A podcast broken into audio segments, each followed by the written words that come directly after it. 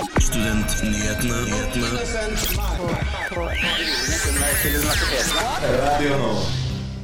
Hei, hei, og velkommen til Studentnyhetene. Jeg heter Selma Hellstrand, og med meg har jeg Sonja Haaland.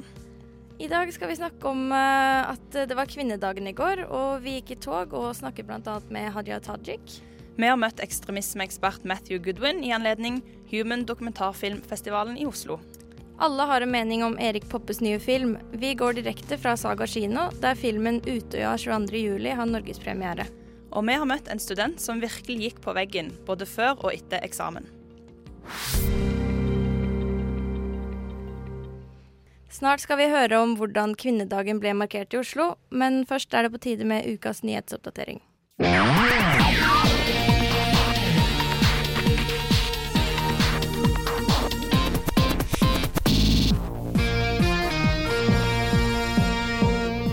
Universitetsstyret ved UiT har vedtatt å redusere antall årsverk med over 40 personer.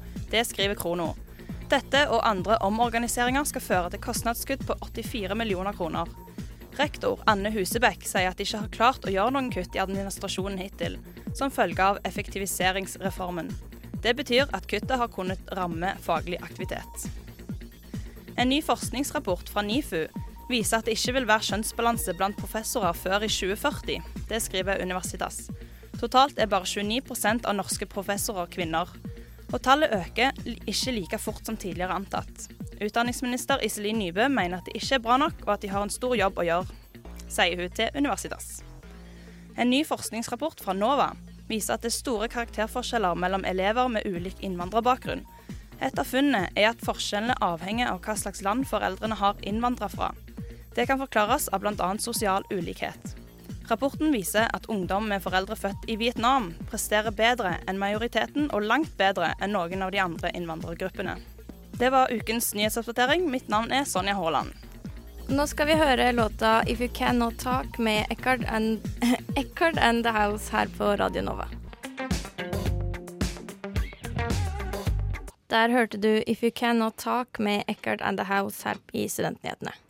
I går var det 8. mars og kvinnedagen. I Oslo ble dagen markert med tog og appeller på Jonstorget.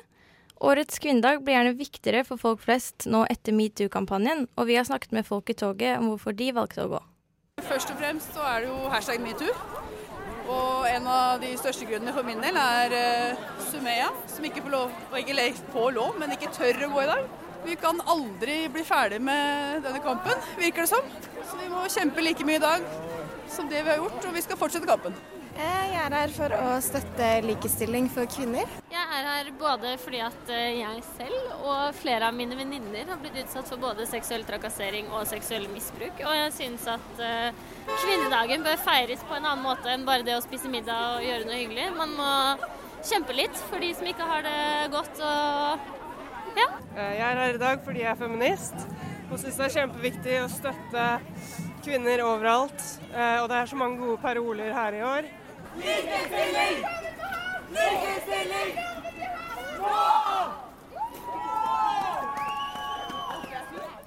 Vi snakka òg med nestleder i Arbeiderpartiet, Haja Tajik, som ble inspirert av å gå i toget.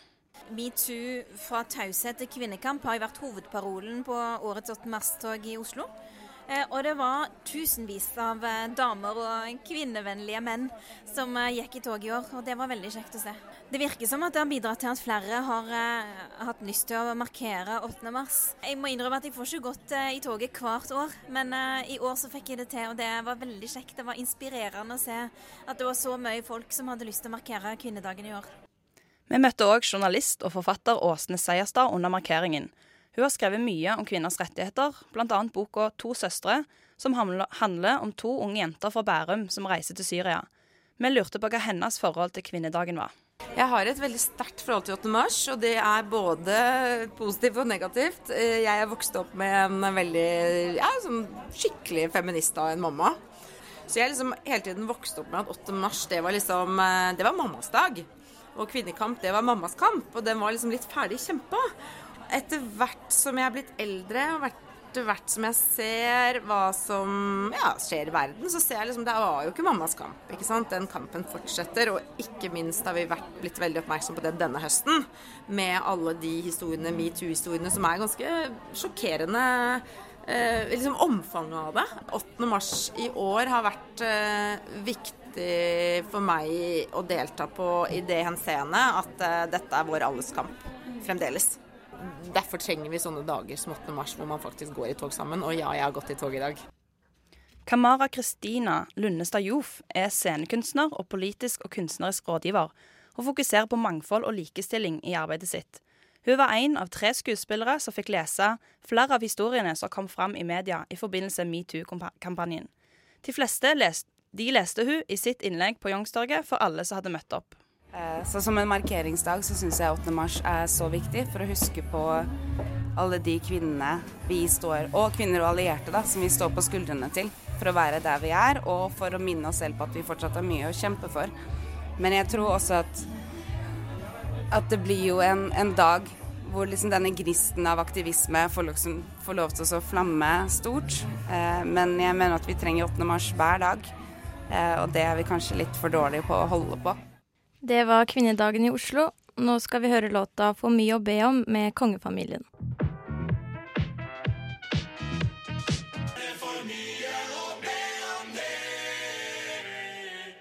Der hørte du 'For mye å be om' med kongefamilien.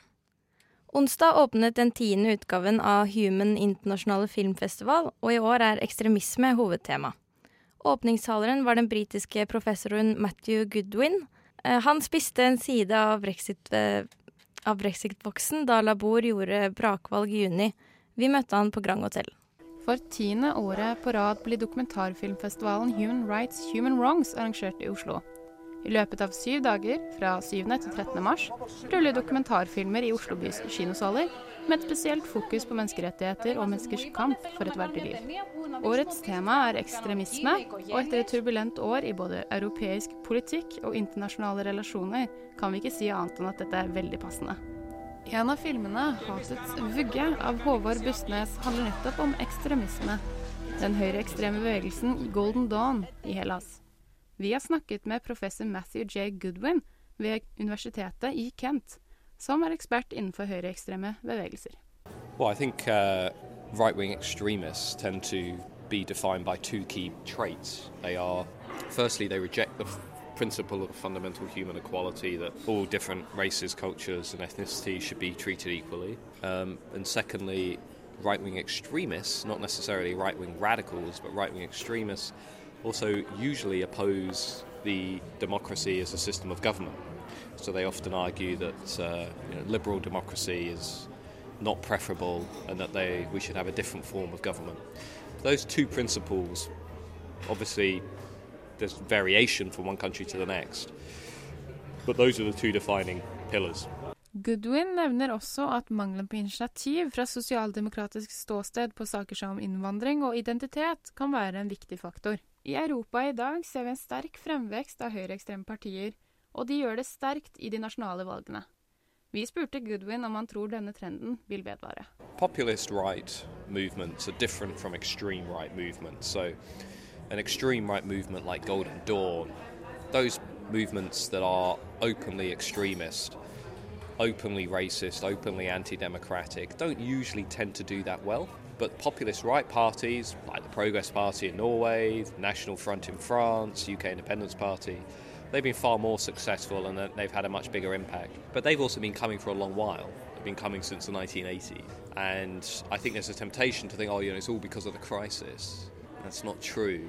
I think this is these parties were coming in states that had low uh, unemployment rates, like Austria and the Netherlands, uh, Switzerland and Germany, but they've also done quite well in areas that have been hit quite hard by the crisis and by austerity, like uh, Italy, for example, Greece as well. Well, they've also struggled in some other areas like Spain and Portugal. So it's a mixed picture, but this is a deep-rooted long-term trend. I sammenheng med det nylige valget i Italia så vi et par unike partier ta form.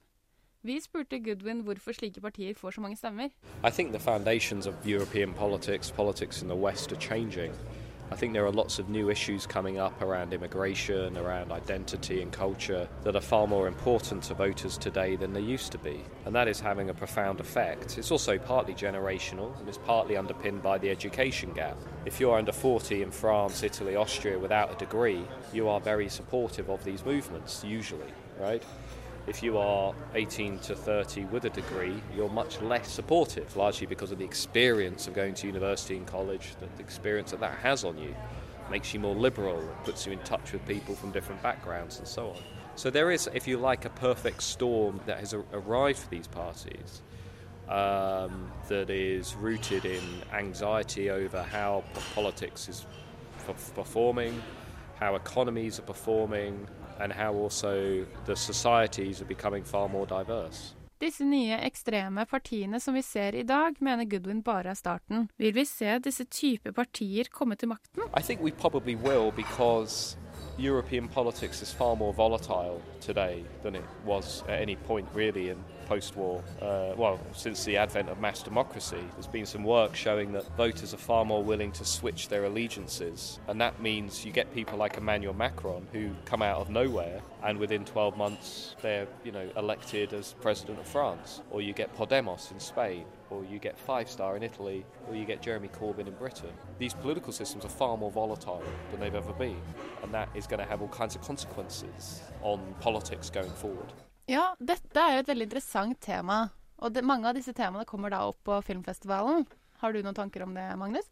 Uh, tanker om det? Ja, altså jeg gleder meg veldig til å lære mer om det. Altså jeg vet ikke så, er ikke så tuned inn til politikken egentlig noen steder i verden. Jeg vet at det skjer ting uh, mer høyrevendt.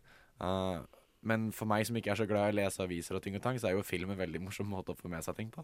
Absolutt. Altså, dokumentarfilmen er jo et av de mest engasjerende mediumene som fins. Derfor syns jeg du skal få med deg Human International Documentary Film Festival i Oslo. Og hvis du vil sjekke ut programmet, så sjekk hrhw.no. Studentbillettene koster kun 50 kroner, og filmene vises bl.a. på Klingenberg kino. Du hører på Studentnyhetene. Det var altså Matthew Goodwin som spiste en side av brexit-boken sin. Festivalen varer til onsdag og foregår på Cinemateket og Klingenberg. Reporterne i saken var Magnus Tune og Elise Kubberød. Straks skal vi på premieren av Erik Poppes omstridte Utøya-film, men først en låt.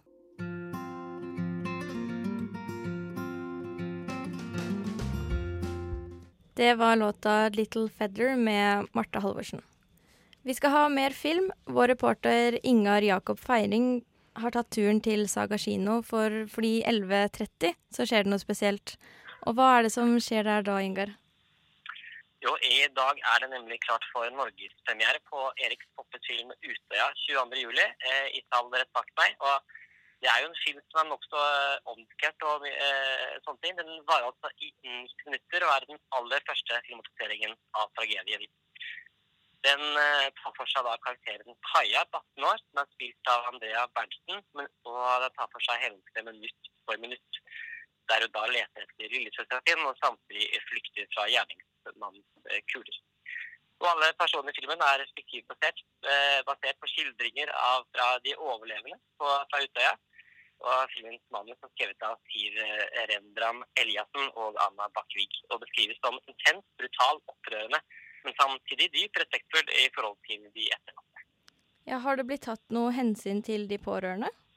Eh, ja, ja, det er eh, gjennom, gjennom, klippen og gjennom de har laget filmen, eh, så har de hatt med seg pårørende hele tiden for å forsikre seg om at det skulle bli mest eh, mulig realistisk, i tillegg til at filmen ikke skulle støte noen. Men filmen gir eh, også et veldig sterkt bilde eh, hvordan det kan ha vært å være på øya.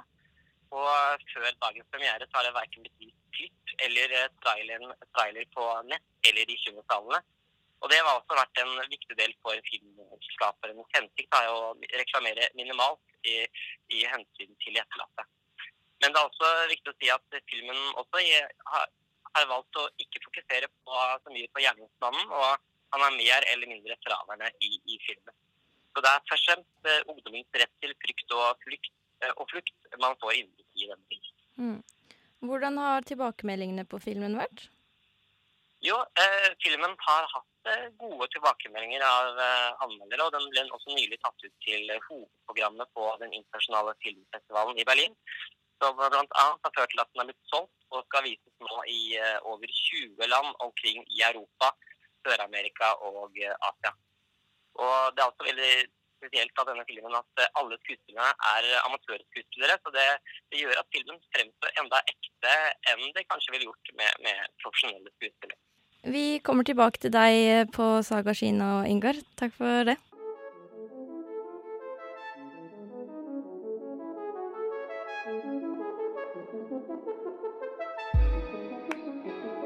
Der hørte vi låta 'Selmer' med 'Palm Tree'. Karakterdebatten er oppe igjen etter at prorektor ved Universitetet i Ås uttalte seg om hvilken rolle han helst ville at karakterene skulle hatt i høyere utdanning. Vår reporter Johanne har vært ute og møtt ulike studenter og snakket med dem om deres forhold til vurderingsformene. For min del så er karakterer positivt. Personlig så tenker jeg at det hadde vært litt kjipt um, hvis det f.eks. var godkjent, ikke godkjent. Så hadde det vært litt kjipt for en person som kanskje er på et A-nivå, å få samme resultat som en som er på C- eller D-nivå, og uten å på en måte få noe bekreftelse på det. Det tror jeg kunne vært litt demotiverende. Er du en av dem som noen gang drømmer om et karakterfritt universitet? Kanskje du har gått skikkelig ned i kjelleren av en dårlig karakter, eller av at du har strøket på eksamen? Jeg møtte en jente som opplevde å stryke da hun gikk andre året på medisin. Shams Al-Samer har skrevet et inspirerende innlegg om dette i Aftenpostens side. Og jeg lurer på hva hun tenker om å fortsette med karakterer. Jeg vet ikke, altså nå på medisin så har vi ikke karakterer, men de har innført karakterer. Så de på nyere kull har da fått karakterer, og man kan på en måte merke hvor mye på en måte annerledes de er enn det hos oss. Hvor mye mer stressa de er fordi de ikke kan få en B eller de ikke kan få en C, og de må få A fordi det er det, altså det, er det alle forventer av dem. Jeg syns det skaper masse forventninger og masse press. Shams var vant med gode karakterer fra videregående. Og det skulle selvfølgelig ikke være noe annerledes på universitetet. Eh, Men jeg ville jo ikke bare gjøre det bra på eksamen, jeg ville liksom gjøre det bra på alle kanter. Både med familie og venner og sosiale medier og alt som er, på en måte. Det var bare veldig mye. Altså, det var en tung periode. Nei, altså, det var på en måte både fysisk og psykisk påkjenning, sånn virkelig, liksom. Jeg hadde ikke matlyst, jeg hadde ikke lyst til å gjøre noe, jeg ville bare lese, lese, lese. Og så fikk jeg liksom Jeg fikk skikkelig angst, egentlig. Altså, egentlig når jeg tenker over det nå, så er jeg kjempeglad jeg strøk.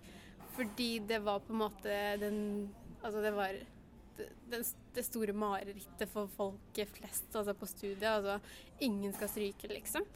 Um, så strøk jeg, og det hadde aldri skjedd meg før. Og det var selvfølgelig det var kjempetungt der og da. Men altså, jeg lærte at det kan gå bra, og at man må bare liksom Hvis du virkelig vil, så, kan, så kommer det uansett til å gå.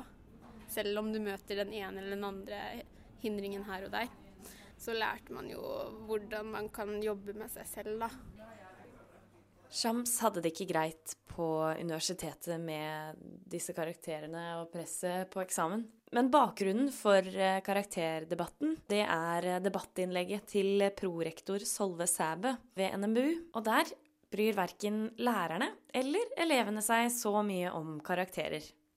Jeg møtte en student som går på plantevitenskap på NMBU. Nei, vi får karakterer der, vi da.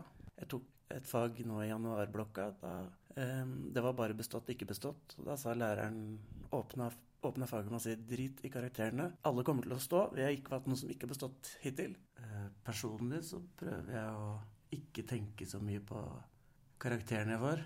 Eh, jeg blir jo jeg blir veldig glad hvis jeg får en A, men eh, jeg føler at hvis man fokuserer for mye på karakteren, så blir læringsutbyttet mindre. Og grunnen til at jeg studerer, er for at jeg har lyst til å lære forskjellige ting, da, eller de fagene jeg velger. Så da er det at jeg lar fascinasjonen drive meg mer enn karakterene. Reporter i denne saken var Johanne Sumstad Artvedt. Sonja, tenker du mye over karakterene du får? Eh, ja, jeg gjør jo det. Eh, men jeg syns jo at det er motiverende med karakterer. Eh, F.eks. når vi har eksamen som er godkjent, ikke godkjent, så viser ikke det hvordan bra du egentlig har gjort det. Men jeg forstår jo òg at dette fører til mye press blant studenter. Mm. Nå skal vi høre låta 'Nei takk' med GKR.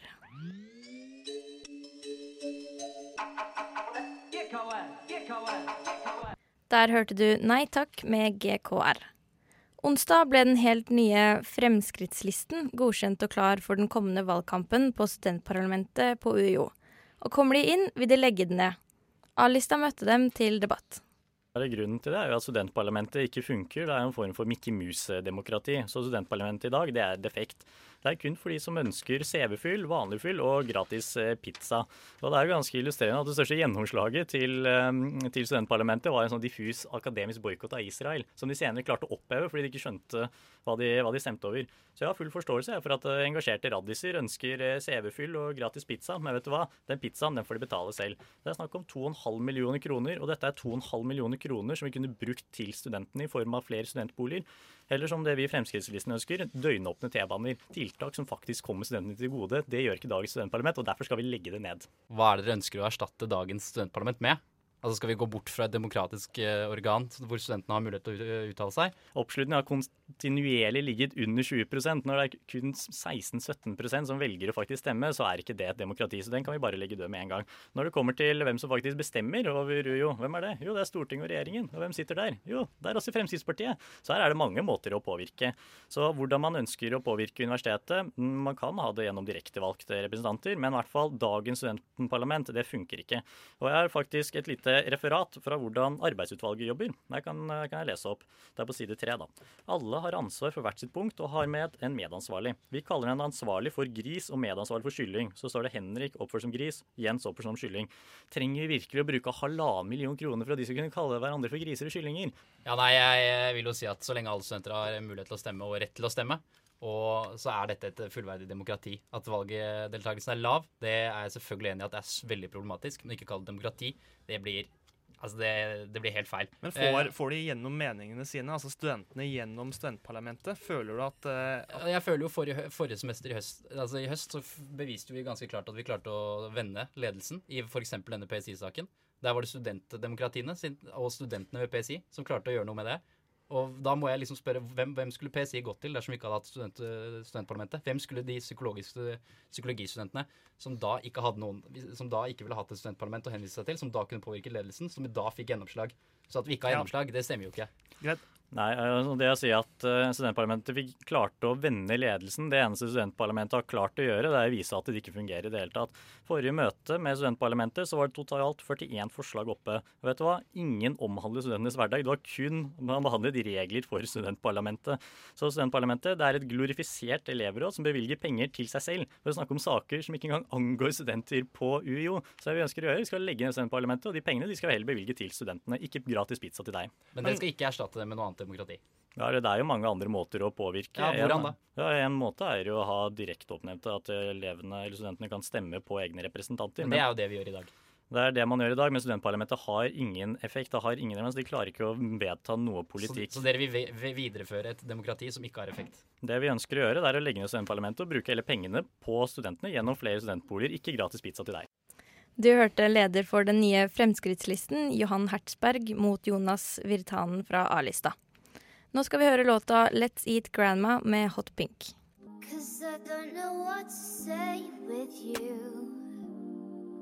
Der hørte du låta 'Let's Eat Grandma' med Hot Pink.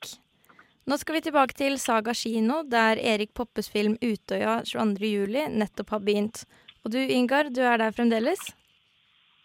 Det stemmer, eh, Selma. Eh, filmen begynte for ca. 15 minutter siden i salen rett bak meg her på Saga. Og nå sitter over 20 kinogjengere og opplever noe veldig, eh, noe veldig nært av det som skjedde på Utøya for snart seks år siden.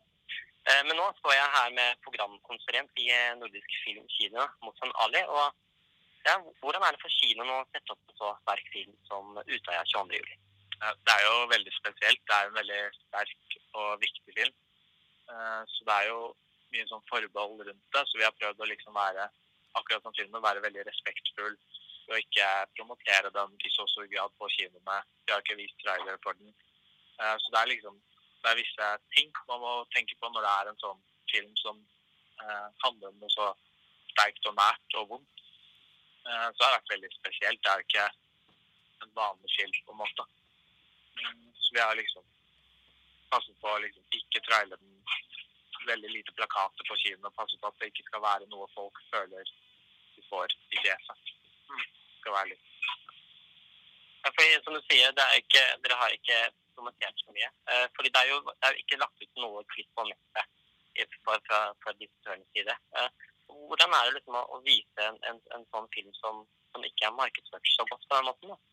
Eh, Jeg tror alle vet om filmen, eller vet hva den handler om. Jeg tror ikke nødvendigvis det er så viktig å trenge å vise klipp fra den eller trailere. Eh, Jeg tror folk skjønner hva det er de går til. da. Det er, også, det er veldig viktig siden det er så, det er så vondt. Det er veldig viktig å liksom ikke ha mye klipp av den ute, eller slik at folk skal få lov til å liksom velge selv, og ikke føle at det er noe de blir påtvunget eller ser mye av. Man må være veldig, ja, være veldig forsiktig på en film som er Filmen har jo, eh, etter det vi har forstått, en svært lydbilde med kraftige skuddlyder f.eks. Og et svært eh, dokumentaraktig lignende foto med tydelige åpne kjøtthår, blod og, og døde mennesker. Tror, tror du filmen kan bli for perfekt for en vanlig kinogjenger? Jeg tror folk må nesten ta den vurderingen selv. Eh, Det er, det er ikke en film for alle. Eh, Så folk må vite hva de går til. At det er jo mye vanskeligere scener, mye vonde scener. Her så tror jeg det blir liksom veldig en vurdering opp til hver enkelt om hvorvidt de ønsker filmen. Jeg tror de fleste skjønner hva de går til. Og er- vi gjør også oppmerksom på at det er en veldig sterk film. Eh, Slik at den er ikke for alle. Eh, Så jeg tror det er en vurdering alle må ta selv, da, hvorvidt de føler at de eh, vil se noe sånt, eller takler å se noe sånt, eller ikke. Hvor viktig mener du at det er at det lages en sånn eh, type film om en, om den tra- eh, nasjonal tragedie? Jeg tror der er det også veldig mange forskjellige meninger. Eh, Jeg tror, skjønner jo de som syns det er for tidlig, eller syns man ikke skal gjøre det. Jeg skjønner også de som uh, føler at man burde ha en film for å liksom kunne liksom sette, ikke ord, men liksom prøve å sette folk i den posisjonen. Ikke at den filmen gjør det, men gir en liten følelse av hvordan, hvor uh, umenneskelig det presset var på disse ungdommene på Møya. Og det er det jeg tror liksom, filmen prøver å få frem. Det kan jo være veldig sånn empatiserende da. Når du ser en film som det her. Når du liksom merker hvor ille eh, det er, og hvor umenneskelig det hele var. Eh, så jeg tror liksom det er vurdering opp til hver enkelt. Eh, men jeg tenker at det også er veldig viktig at slike filmer blir laget. At man liksom noen ganger ser på noe vondt eller ser på noe ubehagelig. Eh, for liksom at jeg kommer komme over det eller ja, bearbeide da, tenker jeg. Ja, fordi det er mange i Norge som har, eh, eller kjenner noen som har mistet eh, et av sine i angrepet. Og har dere gjort noen egne forberedelser i forhold til visning av denne filmen? Eh, vi har vært eh, noen små ting på kino da vi har liksom villet vente med at lyset etter rulleteksten begynner, slik at folk får, der, får et par sekunder til å liksom bare sitte der litt sånn i stillhet. Vært veldig forsiktige med hva vi trailer foran den filmen her, fordi vi ønsker ikke liksom, de største blockbusterne eller slike ting foran den filmen.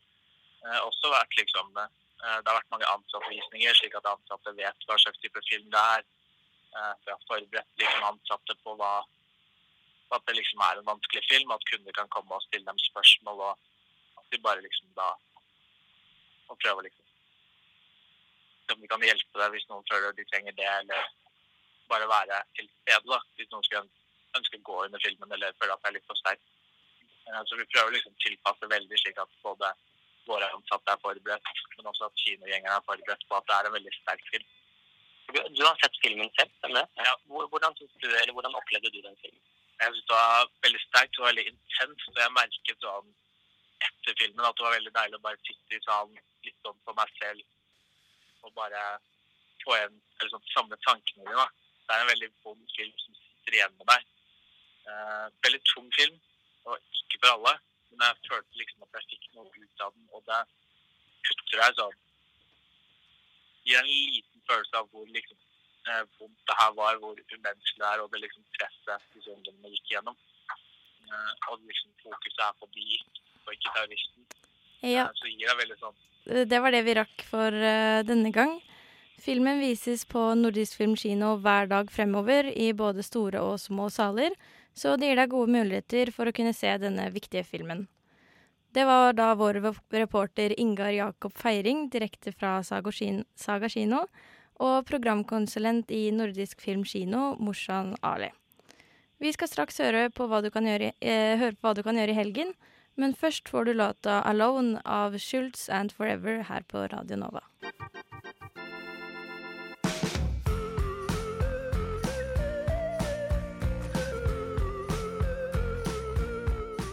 Ja, der hørte du altså 'Alone' med Schult and Forever. Det er fredag, og helgen begynner straks. Har du noen planer for helgen, Sonja? Um, nei, ikke så mange. Jeg får besøk. Um, men eh, jeg trenger egentlig tips til hva kan du finne på. Jeg skal se den um, Utøya-filmen. Ja, i dag. Så ja, så det blir spennende. Mm. Det er um, også mye annet man kan gjøre, og eh, nå skal vi få en eh, Eller bli oppdatert på hva du kan gjøre i helgen. Helgen nærmer seg sakte, men sikkert, og her er våre tips til helgen som kommer. For de kulturinteresserte er det en rekke konserter rundt om i Oslo denne helgen. Den danske artisten Mø spiller på Sentrum Scene i kveld, men vær obs på at det er få billetter igjen. I morgen har de norske rappdronningene Isabel og Myra, som alltid skaper god stemning, konsert. Denne konserten holdes på Chateau Neuf.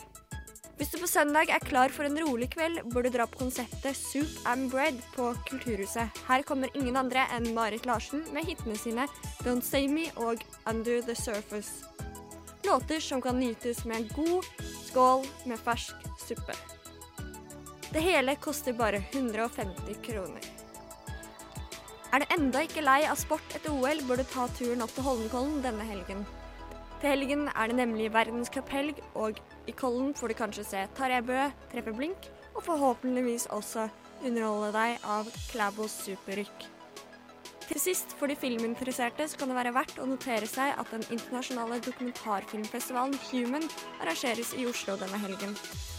Her skal filmer som Thank You for the Rain og Røverdatter konkurrere om den gjeve prisen, Human-prisen 2018. Festivalen foregår på Cinemateket, Klingenberg, Litteraturhuset og Kunstnernes hus i Oslo. Det er altså mye som skjer i storbyen denne helgen, så kom deg opp av sofaen og nyt fridagene. Det var altså tips til helga fra, eh, fra Heather Eliassen. Fikk du noen gode tips nå, Sonja? Ja, jeg gjorde det. Nå kan jeg eh, ta med besøk opp til Holmenkollen og se verdenscupen. Mm. Ellers så hørtes det kjekt ut med konsert med Isabel og Myra. Mm. Det var eh, alt vi hadde for i dag. Jeg er Selma Hellstrand, og med meg har jeg Sonja Haaland. Tusen takk til tekniker Celine Stensrud. Følg oss gjerne på student... Eller følg gjerne Studentnyhetene på Facebook, Instagram og Twitter. Du kan finne podkastene på nettsiden radionova.no eller på iTunes.